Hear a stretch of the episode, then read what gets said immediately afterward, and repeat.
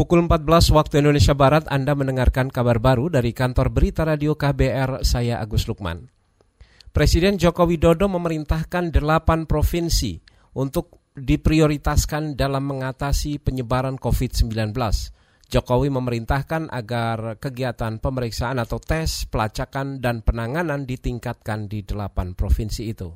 Saya minta ini diberikan prioritas khusus untuk yang testing, tracing, dan treatment ini delapan provinsi yaitu Jatim, DKI Jakarta, Jabar, Sulsel, Jateng, Sumut, dan Papua.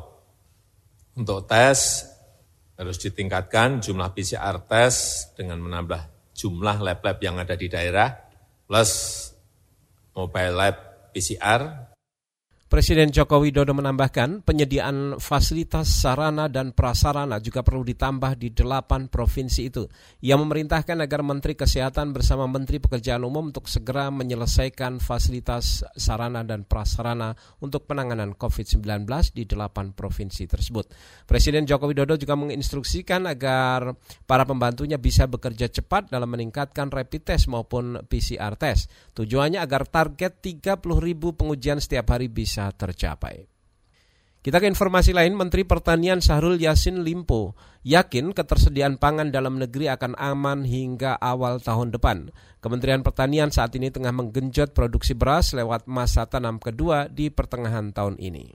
Kalau semua ini jalan dengan baik, antara 12,5 juta sampai 15 juta ton pada akhir Desember 2020 diperkirakan ada stok bahkan setelah kita makan kurang lebih 15 juta maka ya tersisa 6 juta ton lebih. Menteri Pertanian Sahrul Yasin Limpo menambahkan musim tanam kedua tahun ini akan menjadi bagian strategis dalam menjamin ketersediaan pangan rakyat. Ia memerintahkan para bawahannya untuk bekerja memanfaatkan momentum turunnya hujan untuk mengairi persawahan serta memaksimalkan aliran irigasi yang masih tersedia.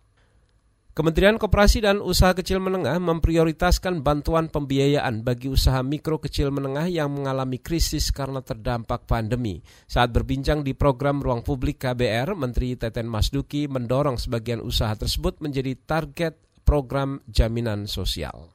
Yang kedua yang memang punya masalah dengan keuangan yang ini kita dorong uh, program relaksasi yaitu eh, relaksasi pinjaman mereka, pajaknya kita hapuskan, disubsidi pemerintah termasuk juga subsidi cicilan bunganya.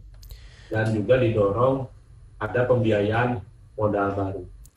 Menteri Koperasi dan Usaha Kecil Menengah Teten Masduki mengatakan pemerintah menyiapkan pinjaman baru sejumlah hingga 100 triliun rupiah bagi usaha mikro kecil dan menengah. Menurut Teten, pinjaman usaha itu berbunga rendah. Demikian saudara kabar baru dari KBR, saya Agus Lukman.